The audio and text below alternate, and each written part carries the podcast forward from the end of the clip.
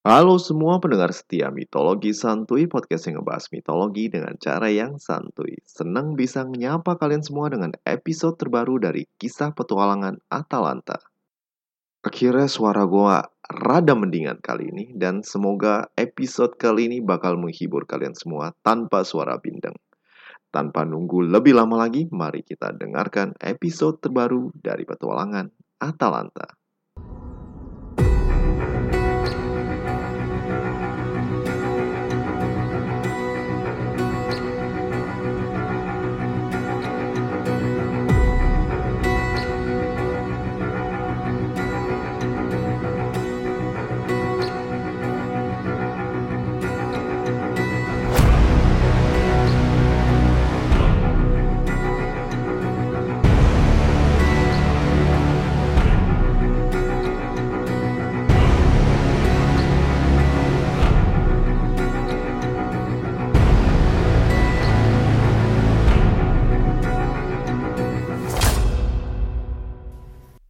Sang babi hutan menarik nafasnya yang terakhir setelah tombak Meleager menembus leher dan kepalanya. Sang momok Kalidonia yang telah mengacak-ngacak pertanian dan pemukiman warga serta membantai begitu banyak penduduk dan prajurit telah berakhir di tangan pewaris tahta mereka. Putra kebanggaan yang kelak akan menjadi raja mereka. Para pahlawan yang menyertai misi perburuan ini akhirnya bisa bernafas lega karena usaha keroyokan mereka akhirnya berhasil mengakhiri ancaman dalam bentuk babi mutasi ini. Meleager menghampiri jasad sang babi dan menarik tombaknya. Mata sang pangeran terlihat sayu, seolah telah mengakhiri hidup seorang sahabat yang telah lama dikenalnya. Namun tak lama kemudian, sorot matanya berubah menjadi sorot mata yang penuh dengan semangat. Menyadari kalau keberhasilannya akan menjadi kisah yang berkumandang di seluruh negeri. Meleager akan menjadi legenda setara dengan Hercules atau Perseus. Namun Meleager tahu kalau keberhasilannya membantai sang babi bukan karena usahanya sendiri. Ada banyak orang yang berjasa dalam perburuan berbahaya ini. Namun satu nama dianggapnya paling berjasa. Atalanta, sang gadis pemburu yang telah memanah kedua mata sang babi dan menyelamatkan nyawanya. Tanpa Atalanta, babi raksasa tersebut mungkin masih hidup dan dirinya mungkin sudah menyusul Ankeus, Hippalmus, dan Pelagon untuk menyapa Hades, sang penguasa maut. Terlebih lagi, Atalanta adalah gadis yang dicintainya. Ah, tentu saja, sang gadis pemburu layak mendapatkan penghormatan tertinggi. Meleager memenggal kepala sang babi hutan dan menyamak kulitnya yang kuat tersebut. Para pahlawan menikmati kemenangan mereka sambil menyerukan nama Meleager yang dianggapnya sebagai pahlawan di atas para pahlawan. Sesuai tradisi, pemburu yang berhasil membunuh hewan buruan berhak mendapatkan potongan terbaik. Dan untuk babi hutan raksasa ini, kulit serta kepalanya adalah trofi yang paling berharga. Semua pahlawan mengira jika Meleager akan mengambil kulit dan kepala babi tersebut sebagai miliknya, hak seorang pembantai. Namun di luar dugaan, Meleager memberikannya untuk Atalanta. Bahkan Atalanta yang tak pernah kepengen punya kepala dan kulit babi tersebut, terkejut menerimanya. Meleager yang telah jatuh cinta pada Atalanta memberikan hadiahnya untuknya. Para pahlawan saling berbisik, dan banyak dari mereka menunjukkan wajah tak puas akan apa yang telah dilakukan oleh Meleager. Walau ada juga yang mengapresiasi apa yang dilakukan oleh sang pangeran Kalidonia. Lagian, tanpa panah dari Atalanta, sang pangeran tak akan mampu membunuh babi tersebut. Kedua faksi pahlawan ini saling bertengkar tanpa tahu kalau mereka semua adalah bagian dari rencana besar, rencana yang diatur oleh kekuatan ilahi untuk pembalasan dendam. Menghadapi pertengkaran para pahlawan, Meleager mengangkat tangannya dan meminta waktu untuk berbicara. Saudara-saudara sekalian, coba tenang sebentar. Tenang, tenang dulu. Gue memberikan kepala dan kulit ini untuk Atalanta karena dia yang pertama kali berhasil melukai sang babi. Lagian, gue yang bunuh babi itu. Dan udah hak gue buat ngasih kulit ini ke siapa pun yang gue mau. Mendengar penjelasan Meleager, keempat pamannya yang sedari awal tidak menyukai Atalanta maju dari kawanan pahlawan untuk mengajukan keberatan mereka. Toxeus bahkan mengatakan, jika Meleager tidak ingin hadiah buruannya, maka sudah semestinya hadiah tersebut jatuh ke tangan mereka, paman-paman Meleager yang masih sedarah dengannya. Meleager menatap paman-pamannya dengan tatapan menantang. Tanda dirinya tak main-main ketika memberikan hadiah tersebut kepada Atalanta. Satu paman yang lain, Evipus, tak menghiraukan sorot mata tak bersahabat keponakannya dan nekat merebut kulit dan kepala babi tersebut dari tangan Atalanta. Atalanta tak melawan, walau dia sanggup mempertahankan bahkan merebut kembali hadiah yang tadinya ada di pangkuannya. Entah apakah ia emang kagak suka punya kulit babi mutan atau punya rencana lain. Ia diam saja. Namun reaksi dari Meleager berbeda dengan Atalanta. Ketika Evipus merampas kulit tersebut dari Atalanta, api amarahnya tersulut. Bagaikan api kecil yang dihembus oleh angin panas, kemarahan Meleager membakar jiwa dan akal sehatnya. Meleager mengambil tombaknya yang tertancap di tanah dan melemparkannya langsung ke Evipus, pamannya sendiri. Sang paman tak sempat berkelit, hanya bisa melihat ujung tombak keponakannya menembus mata kirinya. Evipus tewas seketika, tertancap oleh tombak keponakannya sendiri. Melihat saudaranya tewas di tangan keponakannya sendiri, ketiga paman Meleager yang lain mengambil senjata dan mengepung keponakannya. Dan mungkin benar kalau Meleager adalah putra Ares sang dewa perang. Meleager tak gentar melawan ketiga pamannya. Dengan pedang, Meleager membantai satu persatu pamannya.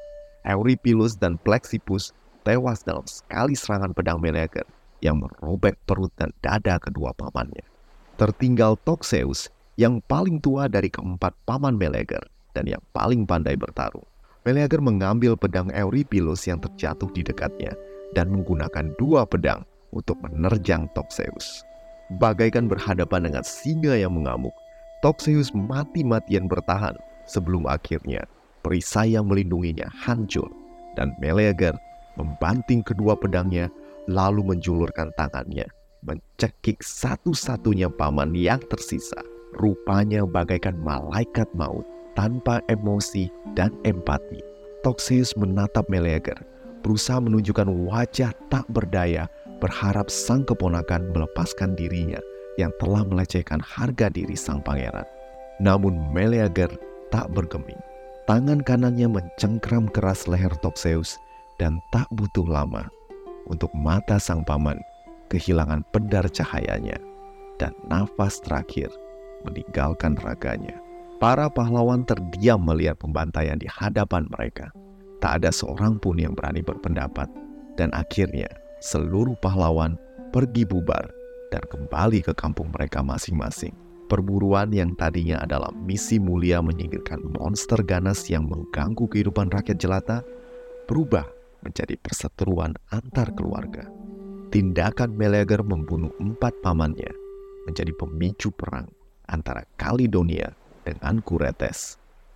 Kalidonia dan Kuretes adalah dua kerajaan yang hidup bertetangga namun tak pernah akur. Perselisihan dua kerajaan ini telah berlangsung lama Sampai akhirnya putri kerajaan Kuretes, yaitu Altea, ibu dari Meleager, dinikahkan dengan Raja Kalidonia, Oeneus. Pernikahan ini meredakan perselisihan antara dua kerajaan selama dua dekade. Namun api perselisihan mereka tersulut akibat tindakan Meleager membunuh empat pamannya. Kerajaan Kuretes menganggapi dengan berang kabar kematian empat pangeran mereka dan memutuskan untuk mengirim pasukan menyerbu Kalidonia. Sementara itu Meleager pulang kembali ke Kalidonia bagaikan pahlawan, disambut dengan penuh sukacita. Namun satu orang, orang yang terdekat dengan Meleager sendiri, marah luar biasa melihat Meleager pulang dengan penuh kemenangan. Orang tersebut adalah ibundanya sendiri, Altea. Altea telah mendengar kabar bagaimana Meleager dalam perselisihannya soal kulit babi raksasa telah membunuh empat pamannya sendiri, saudara-saudara kandung ibunya. Altea yang tumbuh besar dengan keempat kakak-kakaknya menderita kesedihan yang begitu dalam dan menyesal memiliki anak yang tega membantai paman-pamannya sendiri. Begitu dalam kesedihan Altea hingga ia tak sanggup makan dan minum. Dan ketika ia melihat parade kemenangan Meleager, kesedihannya pun berubah menjadi angkara murka. Teringatlah ia akan ramalan para nasib dahulu kala tentang hidup Meleager, bahwa sang anak hanya akan hidup selama kayu di perapian. Teringatlah ia yang mengulurkan tangannya ke perapian lalu mengambil kayu tersebut dan memadamkan apinya untuk menyelamatkan nyawa anak. Teringatlah ia bahwa ia telah menyimpan kayu tersebut di sebuah peti di ruangan bawah tanah istana untuk menjauhkannya dari mara bahaya. Namun kali ini, semua yang dilakukannya di masa lalu dianggapnya suatu penyesalan. Seandainya ia tidak mengambil kayu tersebut dan tidak ikut campur dalam urusan nasib, maka saudara-saudaranya tentu masih hidup. Altea menyesal, dan dalam penyesalannya, ia akan melakukan perkara lain yang kelak akan disesalinya. Dalam kemarahannya, Altea pergi ke ruangan bawah tanah istana dan membuka peti tempat ia menyembunyikan kayu bakar yang berhubungan erat dengan hidup mati Meleger. Altea mengambil kayu tersebut dan bergegas menuju perapian di kamarnya. Altea menatap perapian tersebut sambil memegang kayu dan bersiap melemparkannya. Baru saja tangannya hendak melemparkan kayu tersebut, tiba-tiba terdengar suara pintu kamarnya diketuk. Ma, Mama, ini aku, Ma. Aku baru pulang. Buka pintunya, Ma. Ada yang mau aku jelaskan, Ma. Sang putra Meleager ternyata ada di luar kamarnya. Meleager mengetuk pintunya lagi. Namun Altea tidak membalas. Altea semakin terpancing emosinya ketika mendengar suara putranya. Sang pembantai paman berani-beraninya dia datang ke sini. Dan Altea pun langsung melemparkan kayu tersebut ke perapian tanpa memikirkan lagi akibatnya. Dan apa yang dikatakan oleh para nasib menjadi kenyataan. Meleager tiba-tiba merasa dirinya dirundung api yang tak terlihat. Pertama hangat, namun lama-kelamaan membakarnya dari dalam. Meleager berteriak-teriak kesakitan. Dirinya jatuh berguling-guling di depan kamar ibunya dan berseru memanggil. Mama, Mama, tolong aku Mama. Sang pahlawan dan pewaris Kalidonia bergumul dengan maut, sementara ibunya di dalam kamar menutup telinganya rapat-rapat akan teriakan minta tolong anak.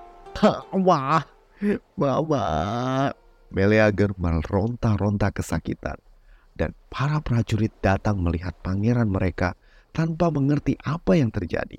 Dan tak lama kemudian, Meleager, sang pembantai babi Kalidonia, tewas bersamaan dengan habisnya kayu bakaran di perapian Altea. Altea membuka pintu kamar dan menemukan putranya telah tewas terbakar. Seketika penyesalan hinggap di sanubarinya.